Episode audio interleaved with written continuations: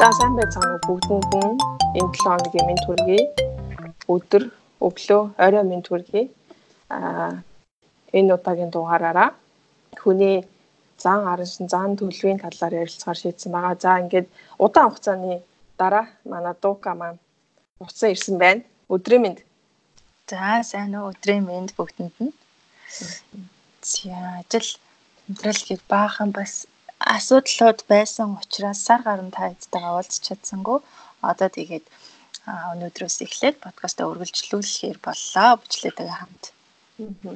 Би ч гэсэн бас жоохон завгүй. Би чинь бас оюутан гэдэг зарим сонсогчд маань санаж байгаа ажил ихтэй байлаа. Сургууль сургуулийн хичээл ном ихтэй байлаа. За тэгээд а энэ ерөнхийдөө бас айгүй тийм өргөн хүрээний сэдв байгаа. Тэгээд бит хоёр энэ талаар эхлээд нь ярихын тулд яг зан төлөв зан харан шин гэдэг айгүй олон янзаар монгол хэлэнд илэрхийлээд байгаа болохоор аль болох төрөвдүүлэхгүй тулд англи үгээр нь хэрэглээд явчих гэж бодож байна. За тэгээд яг зан чанар зан харан шин гэдэг сэдв нь одоо энэ ерөнхийдөө том маш том сэдв. Энэ нь болохоор англиар бол personality гэж нэрлэдэг. За тэгээд тэр дотор нь характер, temperament гэж төрлүүд байгаад байгаа. За тэгээд temperament гэдэг сэдвийн талаар дука жоохон дэлгэрүүлж ярьж өгөө. Аа. За темперамент гэдэг нь бол яг нь монголоор зан ааш зан араншин гэж хэлээд байгаа л да.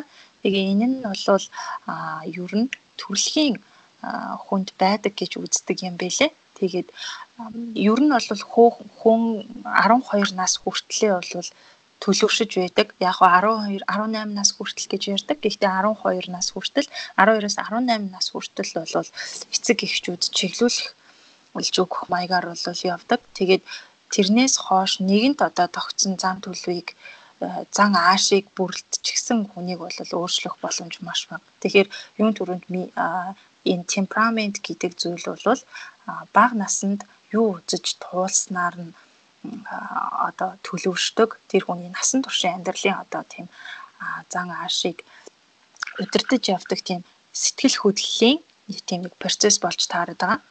За тэгээд энэ темперамент буюу зан ааш, зан араншинг бол яг дөрвөн хэсэгт хувааж үздэг. Энийг бүгдээрээ мэдчихэж байгаа бох.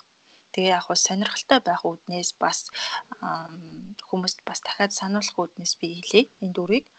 За нэгдүгээрт бол сангвиник гэж хэлдэг байгаа. Энэ бол одоо цус ихтэй нэг нүүрэндээ баяр баясгалантай нүдэн зовоо тийм хүнийг тэгж нэрлэдэг гинэ.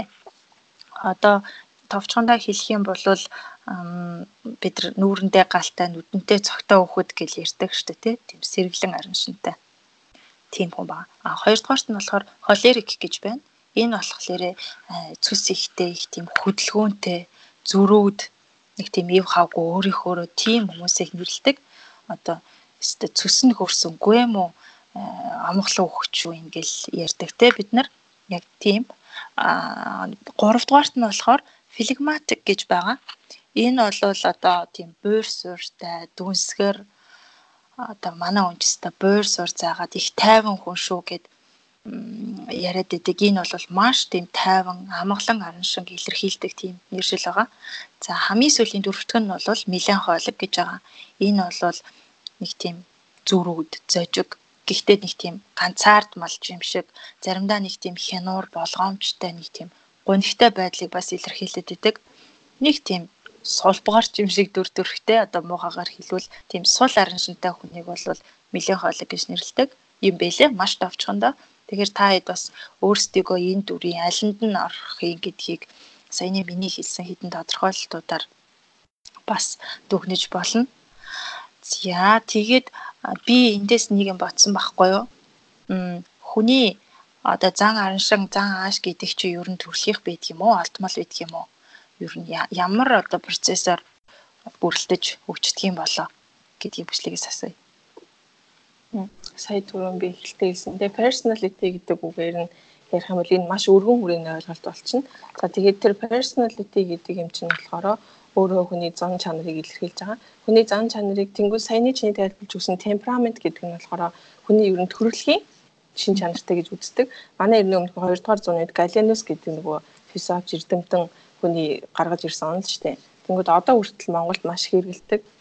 Бид нэрийг 10 жил байхад хүртэл нөгөө дадлагын багш нар ирж ямар темпераменттэй байна гэж судалгааны асуултууд анкетууд бүглүүлдэг гэсэн.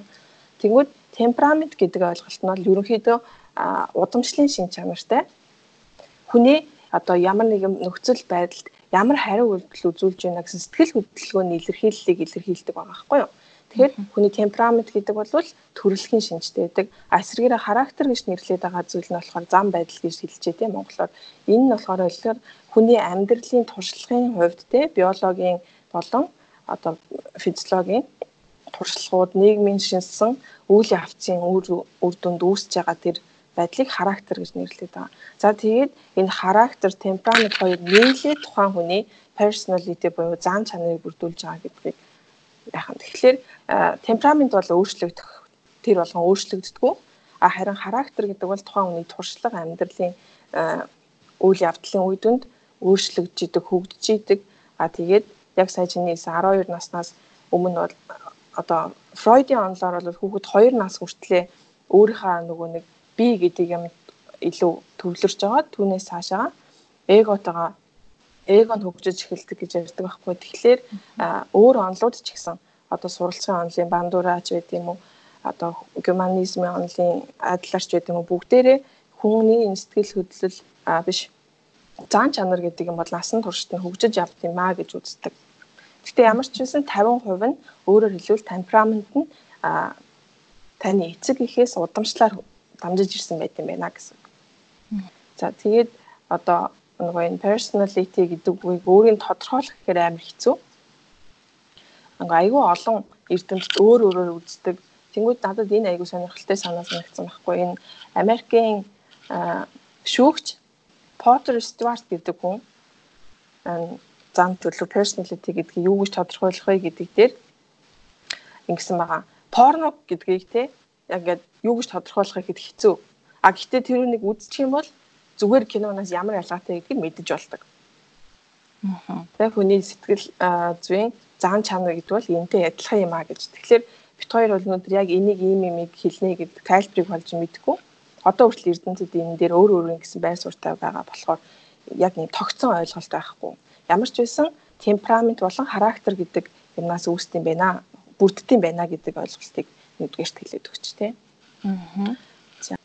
За тэгээд сая олон янзын онол сургаалууд байдаг гэж хэлсэн. Тэгэхээр монголчууд хамгийн сайн мэддэг Зигмунд Фройдын онолоор болохоор хүний энэ зан арын шин зан төлөв personality нь яаж тогтдог юм бэ гэдгийг болохоор ингэж үзсэн байгаа. Хүнд хүний ухамсар одоо бидний оюун ухаанд ухамсар, ухамсаргүй болон ухамсаргүй өмнөх гэсэн гурван үе шат байжгаад ухамсаргүй Фройд болохоор ид гэж нэрлсэн байгаа хгүй. Тэгээд ухамсартай болон ухамсарын өмнөх үеийн эго гэж нэрлээд за супер эго гэдэг нь болохоор ёс суртахуун нэг илэрхийлж байгаа. За эднээсийн хоорондын үйл ажиллагааны үр дүнд одоо ухамсаргүй нь болохоор бүх юмыг хүсэж идэг хүсэл гаргагч гэсэн үг. За тэгээ ухамсар гэдэг нь болохоор түүнийг хүслийг гүйцэтгэгч. За супер эго буюу ёс суртахуун нь болохоор эдгээрийг зохицуулж идэг. Тэгээ эдгээрийн хоорондын одоо хүсэж байгаа, гүйцэтгэж байгаа а ёс суртахуунтай холбоотой зохицуулагч эднээсийн хоорондын балансыг тааруулж байгаа юм л бидний одоо personality буюу энэ зан чанар гэдгийг илэрхийлж байгаа гэж үзсэн. Тэгээ маш өргөн маш их хэмжээний онол байгаа болохоор ерөөхдөө нь ярихад бол юм. За тэгээ Юнгийн онол бол яг энэ Фройд явуулсан шав байсан. Тэгээд Юнг болохоор Фройдын одоо либидо буюу бэлгийн дур хүслэл нь хүний одоо бүх эмийг захирж идэг гэж үзчихсэн бол юунг нь либидон бэлгийн дуур хүслээс гадна амьдралын нийтлэг хүн болгонд байдаг амьдрах хүсэлтэй холбоотой нийтлэг энергийг илэрхийлж байгаа гэсэн онолыг гаргаж ирээд за тэгээд одоо хүртэл хамгийн их өргөн зан чанарын сэтгэл судлалд хамгийн их хэрэглэгддэг интроверт буюу экстроверт гэдэгтэй гадагшаага чиглэсэн хүн нөө дотгошоогоо өөрлөгөө чиглэсэн хүн үү гэж яригадад байдаг. Энэ ойлголтыг хамгийн анх гаргаж ирсэн. За тэгээд тэрэн дээрээ сэтгэлгээ, сэтгэл хөдлөл, мэдрэмж, зүүн бэлэг гэсэн асуудлуудыг нэмээд тэгээд 8 төрлийн зан чанартай хүн байдаг юм байна гэсэн ийм тодорхойлолт гаргаж ирсэн ба. Тэгээд энэ дээр энэ Юнгийн онол дээр тулгуурсан MBTI гээд Myers-Briggs Type Indicator гээд тест байдаг. Тэрийг өглөө хоёлоо бүгэлж үзсэн тийм. Тэнгүүд бит хоёрын оноо дээр айгүй сонирхолтой хамгийн ихнийх нь та дотгошоо хүн байна уу, гадагшаа чиглэсэн хүн байна уу? За тэгээ саяны хэлсэн сэтгэл хөдлөл дээрээ илүү ханддаг юм байна уу? Мэдрэмж зүүн бэлэг алин дээрээ илүү юмд ханддаг зан чанартай хүн бэ гэдгийг илэрхийлдэг тест байгаа. За бит хоёрын мэдрэмж бодол те тэднээс нь бол яг адилхан оноотой мөртлөө ганцхан юм зурж исэн. За тэр нь юу вэ гэхээр би бол их гадагшаага extroversion хүн байхад дука маань татгшгаа introversion хүн байсан байна. Тэр нэрээ одоо би чамд хариуг нь явуулсан шүү дээ. Хэр чамд оновчтой чинь чамайг илэрхийлж чадж байгаа юм санагдсан. Аа. За тэр бол надад айгүй бас өвнөн санагдсан. Ер нь бол жоохон ингээд асуултууд нь яг давтагдаад ирэхингүүтээ ер нь бол яг ямар чанарын яг одоо саяны дөрвийн алинд нь орох уу гэдгийг нэг тийм таамаглал бууж илээ хариулж авах явцдаа. Тэгээ яг ясныхаа за би яг нэг энд нь л орчлоо гэж бодож исэн өөрөө. Тэгээ чамаас хариугаа авчаад уншсан чи ерөнхийдөө болвол яг зөв одоо миний характер, миний харин шин зан ашиг бол айгүй тодорхой гаргаж ирсэн юм шиг санагдсан. Тэрийг хоёлоо подкастаа оруулахдаа асуултуудыг оруулах ч юм уу хүмүүст бас сонирхолтой. Тэгээд өөрсдөө үзсэх гээд оруулчих тий. За би зэрэг судалж үзье. Яа тэгэхээр бас нөгөө сэтгэл судлалын тестүүдийг бас хамаагүй хийлгэж болохгүй гэсэн асуудал байдаг байхгүй. Тийм болохоор бол гүгүүг нь би судалж агаад болохоор бол пэйжн дээрээ хоёлоо оруулчих тий. За тэгээ. Би бол зөв шууд л зөв үзээрээ хүмүүсийг л тавьчих гээд шүү дээ. Нөгөө энэ сэтгэл судлалын тест тий хоёул өмнө нөгөө нойрны подкастн дээр ч юм уу нөхөрлийн подкастн дээр ярьжсэн чи тийм тест тэгээ яг нөгөө нэг одоо шиндан гэж хэлдэг монголоор юу гэж хэлэх юм бол судалгааны асуудал гэх юм уу тэр хоёр чинь жоохон ялгаатай байдаг болохоор хэрглэж болох болохгүй гэдээ бас янз бүрийн ёс зүйн асуудлууд бас байдаг байхгүй. Тэгэхээр зарим асуудал тэр гаргаж нийтэд тэр чинь нөгөө мөнгө төлж өөргөө тодорхойлуулах хэрэгтэй юм би ингээ үнгүү сайт дээр тавьчих болох уу болохгүй гэдэг юмнууд бас тустай байдаг. За яг хөө тэгээд л байх уу. Энээс гадна тэр бол саяны өглөө хойлоо хийсэн бол юунгийн онолт дээр тулгуурсан MBTI гэдэг тест байгаа. За тэгээд ер нь олон нийтэд хамгийн их одоо сэтгэл судлалын салбарт хэрэглэгддэг нь болохоор YG personality test гэж байдаг. Тэр нь бас маш олон асуулттай. Хэдэн асуулт гэдэг би нэг удаа бүгэлж хийсэн. Тэр бас айгүй үнэн гардаг. Аа тэгээд Big 5 гэж бас айгүй алдартай. Өөрөөр Ocean гэж бас нэрлэгддэг. Энэ болохоор таван төрлийн юм гаргаж ирдэг байхгүй? Та хэр нээлттэй хүн бэ? Тэгээд хэр үнэн чудраг хүн бэ? Тэ? а хэр хамтаж хамтран ажил хамтад хамтарч ажиллах бусдад нийтж байх чанар за тэгээд таны сэтгэлийн сэтгэл зүйн доктортой байдал тэгээд хэр гадагшаа экстраверт вэ гэсэн асууд бүлгүүдээс хамаа бүлгүүдээс ингээд дөрвөн гардаг. Аа. За ингээд тэнгууд хоёлоо хоёлоо бол экстраверт те дотгошоо чиглэсэн үү гадагшаа чиглэсэн гэдэг дээр бол хариугаа авсан юм чинь би энэ ocean буюу Big 5 гэдэг тестийн талаар ярилцаад энэ ямар хуу ялгаатай байдгийг гэдэг дээр жоохон нэмээд хэлээд өгч тий. За тийм. За тэгэнгүүт экстраверт гэд одоо надтай адилхан төрлийн хүмүүс болохоор сэтгэл зүйн одоо байдал нь ерөнхийдөө гадагшаа чиглэсэн байт юм байна л да. Тэгээд их юмыг эргээр хүлээж авах магадaltaй. Тэгээ их яриа байдаг гэж намайг яриа гэдэг бол чи мэдж байгаа.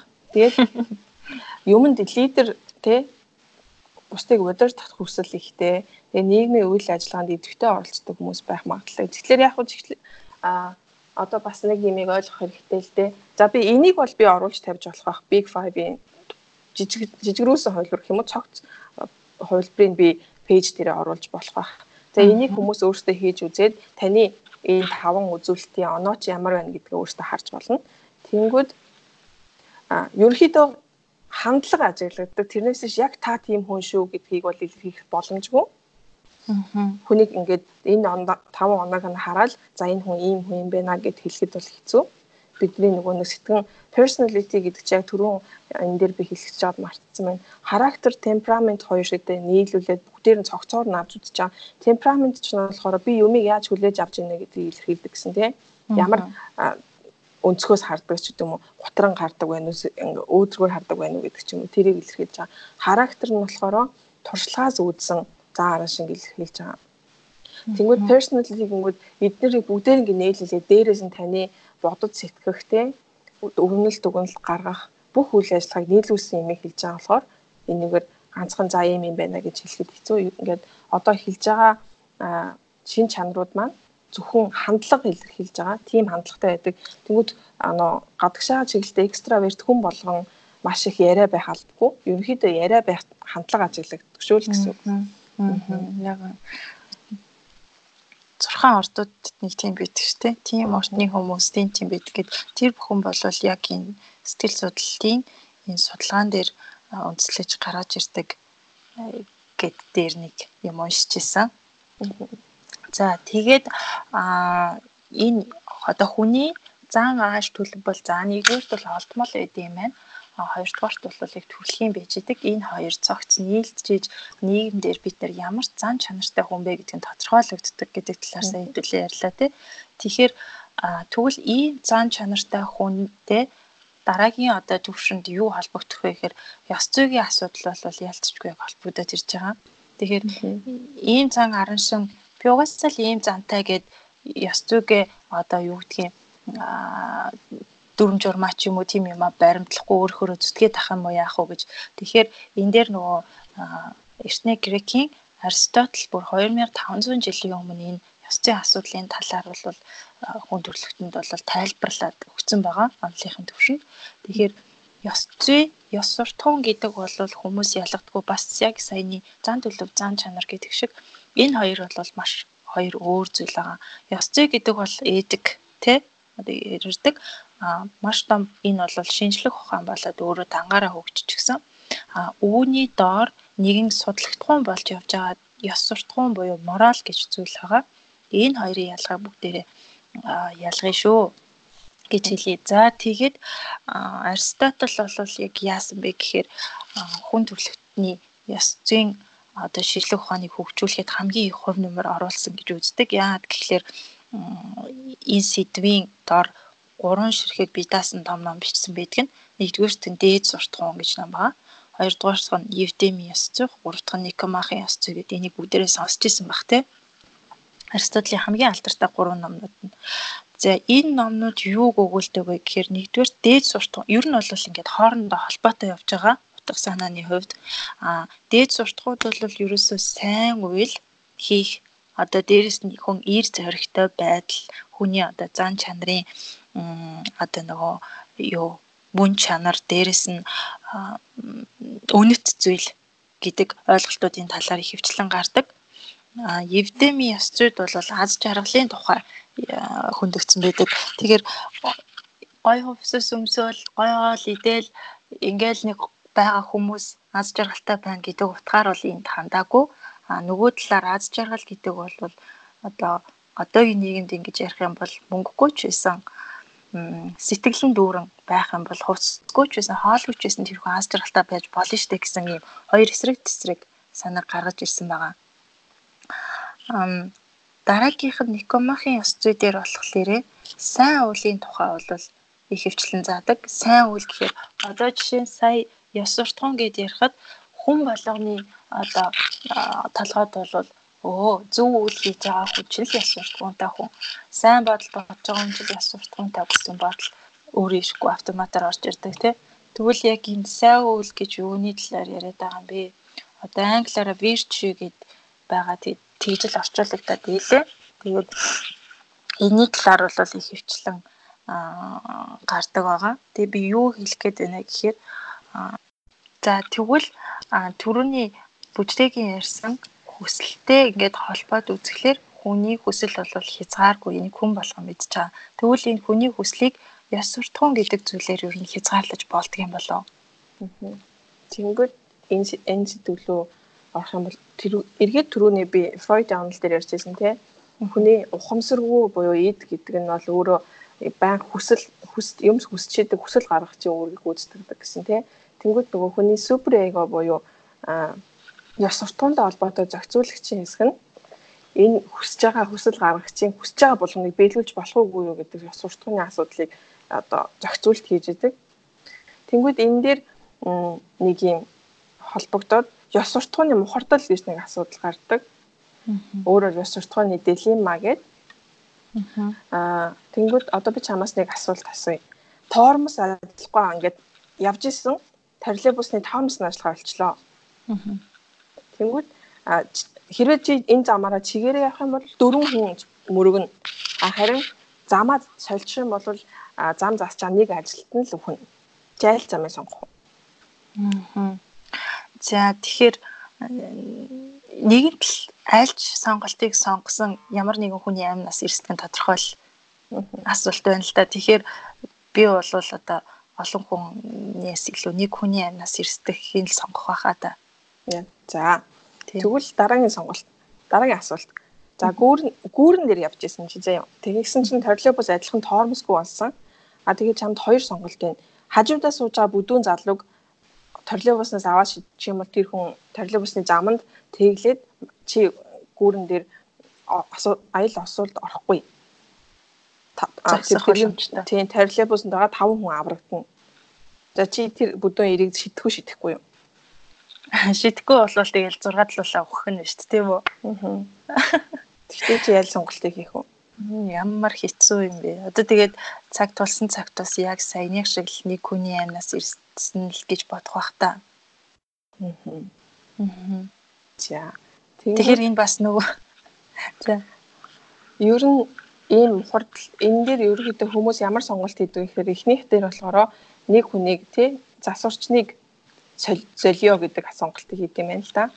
Аа нөгөө сонголт дээр нь болохоор хажууд байгаа бүдүүн ирийг шидэхгүй гэдэг сонголтыг хийдэг гинэ. Аа за. Ихэнх хүмүүс. Яа. Би бас тэгтээ тэр эрийг шидчихил гэж бодсон байхгүй юу? Би ч гэсэндээ шидчихэл юм байна. Тэгсэн чинь яг ингээд хоёлоо бас яг үгүй нэг чинь бас нөгөө хандлага төрөний хэлсэн хандлагыг харуулж байгаа шүү дээ тий. Нэг хүн болгон эрийг шиднэ гэж хариулахгүй хүн болгон шидэхгүй гэж хариулдаг. Тэгвэл ерөнхийдөө дийлэн хүмүүс тэр эрийг шидэхгүй гэдэг гинэ. Яагаад гэхээр а тухайн яг аль адил нь нэг л хүнийг золж байгаа ч тийм. Тэгсэн мөртлөө хэдий одоо хүнийхэнтэй адилхан байгаа ч гэсэн хор хөнөөл учруулж байгаа хэсэг нь яш сустгууны асуудлын оролцоо нь шууд байна уу, шууд бус байна уу гэдгээр нь хүн зүүн сайнгаараа ханддаг гинэ. Аа. Тэнгүүд эхний эрийг шууд ажилчин эрийг мөрөгчнө гэдэг бол чи шууд бусаар тэр хүнийг хөнөөж байгаа хор хөнөөлөхрүүлж байгаа болж нь. А тэгээ бүдүүн эрийг аваад шидчихнэ хэр чи шууд утгаар тухайн хохирол учруулна гэдэг утгаараа ингээ ёс суртахууны хувьд дилемма мухардл үүсдэг гэж байгаа байхгүй юу? Тийм байна. Санаатаагаар хийсэн үйлдэл болчлоо шүү дээ тийм тийм. Тэгэнгүүт энэ дээр түрүүний хүсэл гэдэгтэй холбоотой хүсэл гэж ийснэ би яг үнэндээ босч хаан дайлгаад ёс суртахууны мухардл руу яваад урчлаа. За яг хөө тэгээд Фройдын онлоор тийм байж байгаа. Бас нөгөө бид нар нийгмийн ухааны хичээл дээр бас үүсдэг нөгөө Абрахам Масловын онл гэдэг шүү дээ. Нөгөө хүний таван хэрэгцээ гэж пирамид байдаг. Тэнгүүд хүний хамгийн анхны хэрэгцээ нь бол физиологийн хэрэглээ хэрэгцээ а дараа нь аюулгүй байх хэрэгцээ байдаг. Тэнгүүд энэ хоёр нь бол хүний үндсэн хэрэгцээ учраас хүн өөрийнхөө аюулгүй байдал физиологийн хувьд хэрэгцээгээ хангах энэ хүслээ биелүүлж чадахгүй болвол цааш цаашдах одоо дараагийн хайрлагдах хүн нэгэнд хамааралтай байх, бусдыг хүндэтгэх, өөрийгөө танин мэдэх гэх мэтчлэн энэ ёс суртахуунлаг тий ёс суртахуунтай холбоотой мэдрэмжүүдээ хүслүүдээ хангах боломжгүй гэсэн онол байдаг. Тэгэхээр энэ бол ерөөхдөө би ч гэсэн энэ онолтой санал нийлж байгаа. Хичнээн би үлсүүдтэй жишээлбэл физиологи хэрэгцээ баймар даарч байна.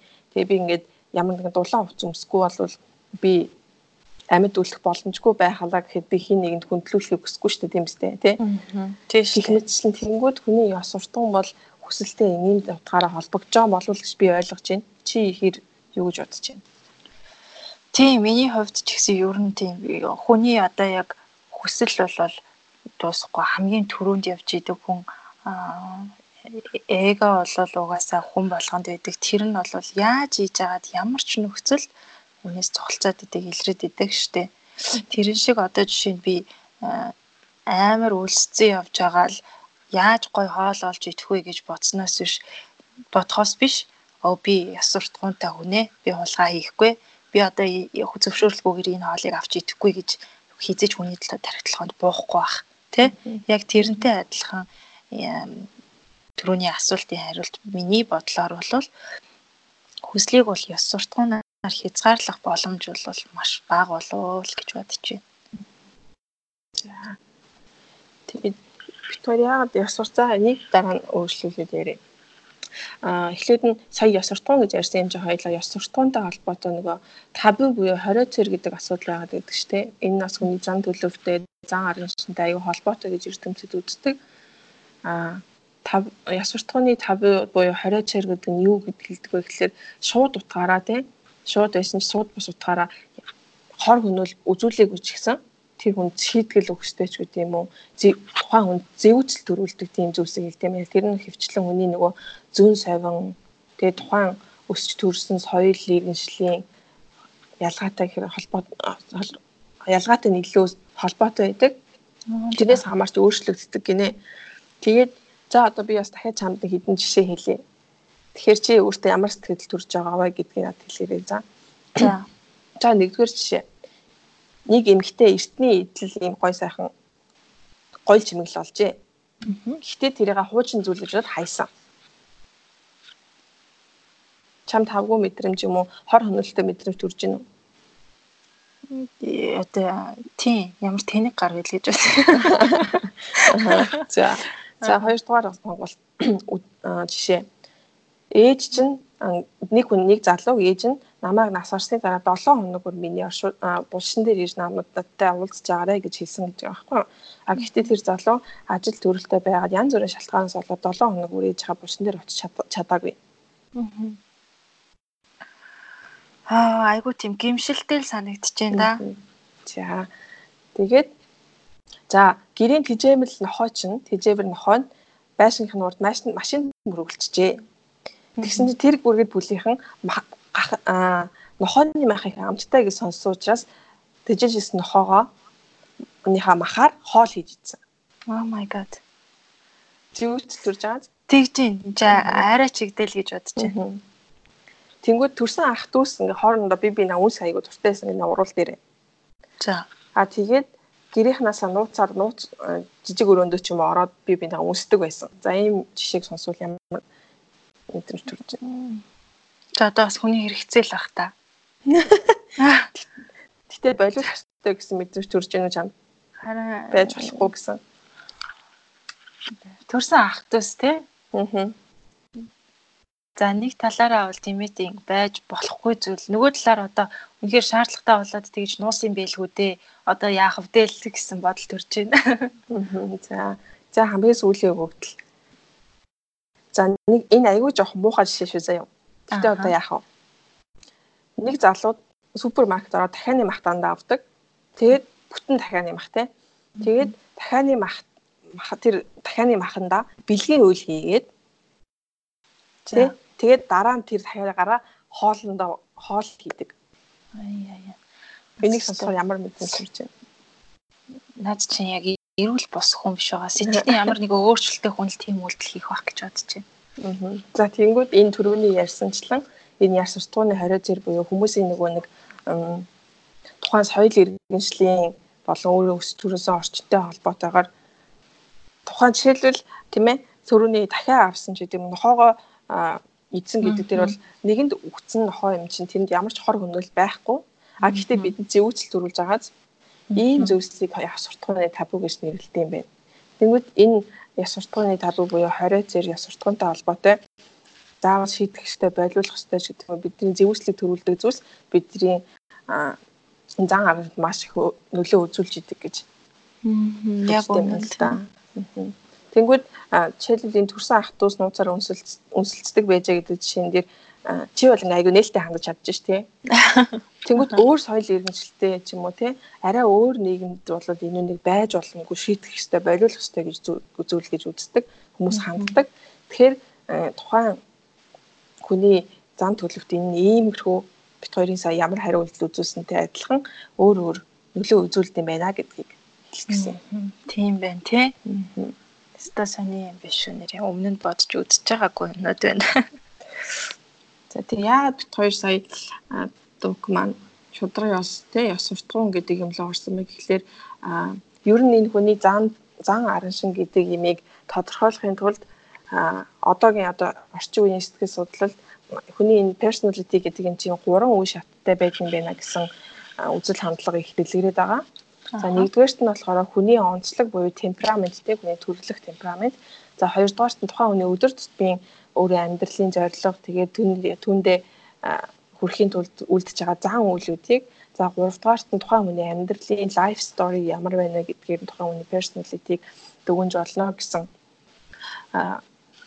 үүднээс хандж байгаа. За тэгээд тухайн хүний temperament гэдэг дээр болохоор сая темперамент өөрөөр одоо тухайн хүний advantage те давуу тал гэдэг юм дээр айгүй олон онцлог шин чанаруудыг гаргаж ирсэн байгаа. Нэг тэрэн донд нь бол яс суртахуун гэдэг асуудал байгаа юм шүү. Тэнгүүд яс суртахууны талаар бит хоёр ингээд ярьлаа. За тэгээд тэрнээс гадна тий зориг байна. Зоригтой холбоотой үнэн чудраг байдал, урам зоригтой байх, тууштай байх гэдэг санал чанарууд байдаг. Хүнлэг чанар гэдэг үзгээд ээлдэг байх, хайр инэрлтэй байх, нийгэмшсэн байх гэдэг юм уу мэрэгэн ухаантай холбоотой зохион бүтээх чадвартай, танин мэдгэн уян хатан чадвартай байх гэх мэтчлэн. За тэгээд тухайн хүн бие хэрэг барьж чаддаг байх уу? Бусдад өгөөмөр ханддаг уу? Тайван, даруй чанартай гэх мэтчлэн маш олон шинж чанаруудыг агуулсан үзүүлэлтүүд байгаа. За тэгээд ингээд тууштай байдал гэдэг дээр өргөлөд 2 дугаар үе шатн дээр нь болохоор хүний нөгөө ямар зорилго тавиад тий а ямар цаан үйл хийж гинэ гэдэг талаар нь авч үзэх юм бол ямар нэгэн зүйлийг хийгээд үр дүнгийн үзье гэсэн үед тухайн хүний одоо хүсэл зориг зүтгэлийн үндсийн үндсэн хоёр шалтгаан байдаг гэж үздэг гэж тийм ээ л да. Нэг нь болохоор бие даасан буюу автономит шалтгаан. А нөгөөх нь болохоор гадагш чиглэсэн шалтгаан гэж байдаг. За тэгээд бие даасан автономит гэдэг нь ямар утгатай вэ гэхээр хүн өөрөө өөрийнхөө төлөө, өөрийнхөө сайн сайхны төлөө, өөрөө сэтгэл төлөөсөө өөрийнхөө сэтгэл төлөө хүсэж байгаа зүйлээ бүтээ хий гэсэн тэр тухайн зан үйл байдаг.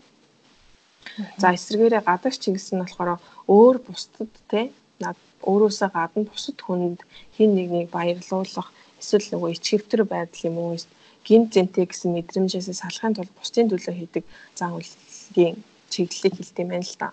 Тэнгүүд энэчээс хараад үзэхэд хүн ер нь судалгааны үр дүнд харахад хүн гадагш чиглэлтэйгээс илүү автомат зан үйлтэй байдаг гэж аахгүй. Тэгээд бас нэг энэ би нэг юм жишээ уншиж байсан 10 жилийн хүүхдүүд жишээлбэл багшаас байнга асуулт асуудаг ч юм уу тийм хүүхдүүд байдаг шүү дээ тий.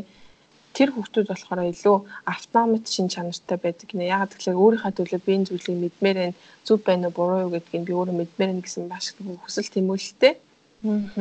Аа зарим нөгөө хүүхдүүд нь болохоор гараа өргөдгөөч гэдэг юм. Тэр хүүхдүүд болохоор багшигаа баярлуулах ч гэдэг юм те. Би асуухгүй бол багш асуулт асуу гэж би асуулт асуухгүй бол болохгүй ч гэдэг юм уу.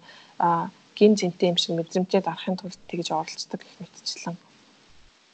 Тухайн хүний зам төлөв нь те зан арш нь яаж илэрч чинь тэр илэрч байгаа чиглэл нь ямар вэ гэдэг үүднээс нэг юм байд юм байна. За тэгээд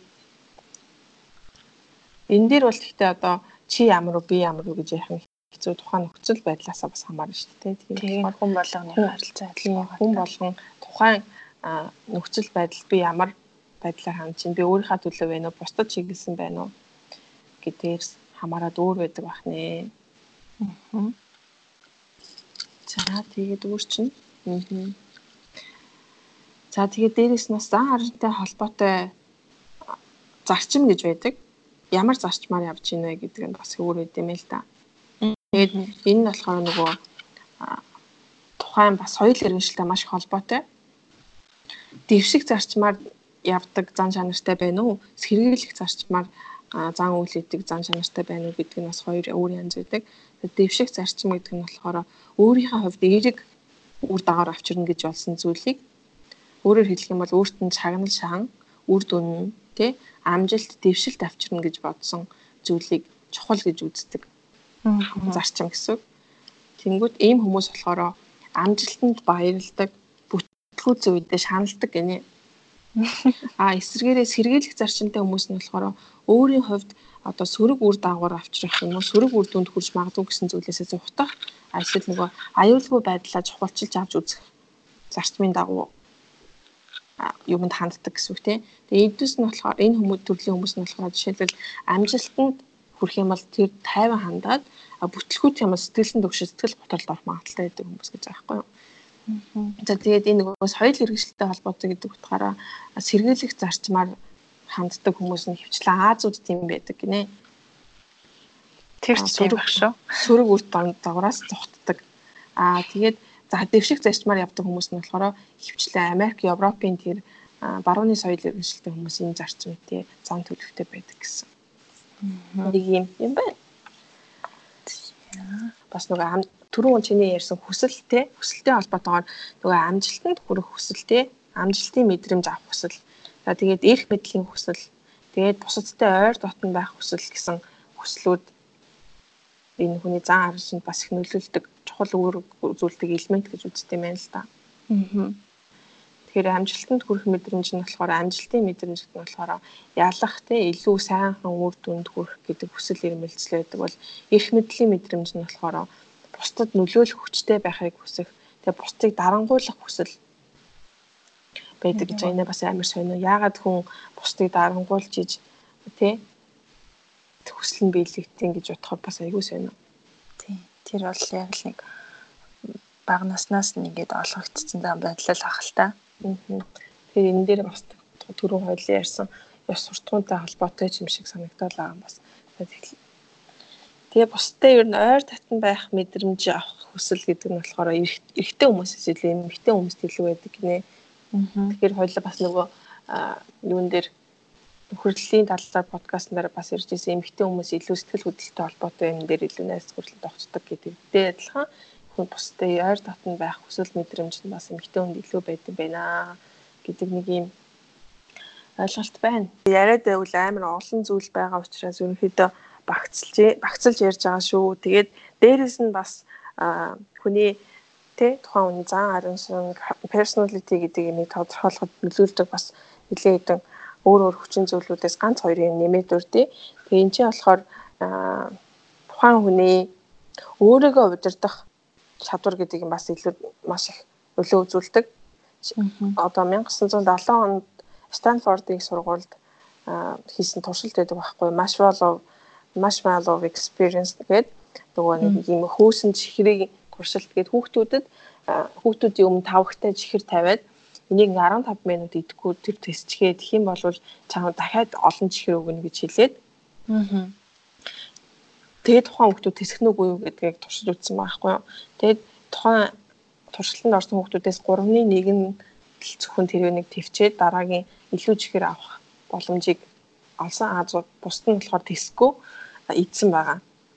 Тэгэхээр энэчээс энэ энэ туршилт ямар учиртай гэхээр яагаад өөрийгөө удирдах чадвар нь тухайн хүний зан төлөвтэй холбоотой гэхлээр гэхлээр одоо 3-ны 1 нь идэггүй тис чадсан гэсэн чинь тэр хүүхдүүдийг нэлээд олон жилийн дараа дахиад судлаад араас нь судалгаа шинжилгээ хийгээд явхад тухайн хүүхдүүд өөрийгөө контролтой тэрийг идэж чадаагүй хүүхдүүд болохоор илүү сайн мундаг сургуулиудад ороод илүү сайхан ажил хийгээд илүү аз жаргалтай явж исэн гинэ. Тэгэхээр тухайн хүний өөрийгөө удирдах чадвар гэдэг нь тухайн хүний бас те цаашаа юмыг үргэлжлүүлэх чадвар гэдэгт бас нөлөөлт юм байна гэсэн үг. Тийм байх нь. Тийм байна. Тэгээд жишээлбэл аа тэгээд энэ дээр бас нэг нэмээд хэлэхэд өөрийгөө удирдах чадвар нь одоо тогтмол байд байдаг юм уугүй юу гэдэг дээр бас айгүй олон судалгаа хийж үзсэн байгаа байхгүй юу. Тэнгүүд аа спортоор хичээллэгч байд юм уу? Ямар нэг юмар хичээллэх юмаг тууштай явах нь тухайн хүний өөрийгөө контролдож удирдах сурах чадварт нь эргээр нөлөөлдөг гэдгийг тогтоосон байна. Тэгэхээр өөрийгөө удирдах энэ шинж чанар чинь таны зан үйлтэй зан аранчтай холбоотой байдаг. Хэрвээ та өөрийгөө сайн контролдож чаддгүй удирдах чадвар чинь муу байлаа гэж бодоход өөр аргуудаар бас өөрийгөө хөгжүүлж болох юм байх шүү гэдгийг энд хэлмээр байна. Дээрэс нь энэ нэг өөрийгөө удирдах сурнаа чадна гэдэг зан чанар чинь болохоор зөвхөн хүнд л байдаг чадвар юм байл да өөр амьтдад бол байдаггүй. За тэгээд энэ өөрийгөө удирдах чадвар нь бас эргэн тойронд байгаа хүмүүсээс нь илүү эрүүл харилцаатай байна уугүй гэдгээс нас хийж хамаардаг гэдгийг үздэг юм байлээ. За дээрэс нь хамгийн сүүлд нь хэлэхэд болохоор энэ сэтгцийн эрүүл мэнд сэтгэл зүйн хүч гэж нэрлүүл зүг юм болов. Грид тест гэдэг юмар үзэж үр дүнгийг үзэж болдог. За энэ өөрөө өөрийгөө удирдах чадвар түрүү хэлсэн эхэнд ярьсан Big 5 тэгээ Юнгийн онол дээр тулгуурсан MDI гэдэг судалгааны гаруудаас илүү хамгийн үр дүнтэй хамгийн нэг хөдөлжгүй хувиршгүй тест гэж үздэг. Энийг бүгдээрээ интернет дээрээс юу хаагаад үзээрэй. Богинох нь хэлбэршүүлсэн хувилбарууд нь бас байдаг. Тэнгүүд энэ чадвар нь болохоор хамгийн их хүний зан чанарт холбоотой байдаг. Тэсвэр хатуужлал гэсэн үг юм уу да өөрөөр.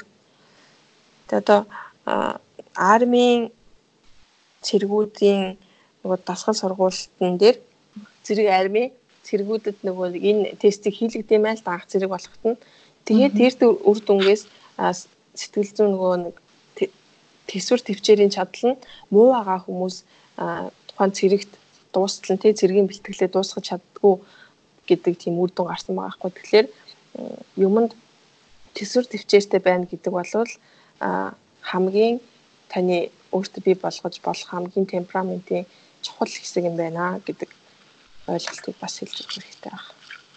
Аа. За тэгээд энэ түрүүн битгаар нөгөө Big 5 дээр бол их дэлгэрэнгүй ярьсангүй тэрийг би бит хоёр пэйж дээр оруулж болохоор өөртөө ороод үзээрэй. Тэгээ пэйжийг маань мэдгүй хүмүүс Facebook дээр Beautiful Days гэдэг подкастынхаа нэрээр байж идэгэн шүү гэж хэлье. За тэгээд ерөөхдөө нэг юм юмний талаар өнөөдөр ярьлаа. Дугаа маань өөр хэлж тийм хэцүүлж байна уу? Би л одоо баахан ярьчлаад энэ удаа. Тийм зүгээр штэ. Бүжлээ маань маш гоё тухай хүний зан аран шингийн талаар зөвлөгөөнүүдийг их дэлгэрэнгүй ярьлаа.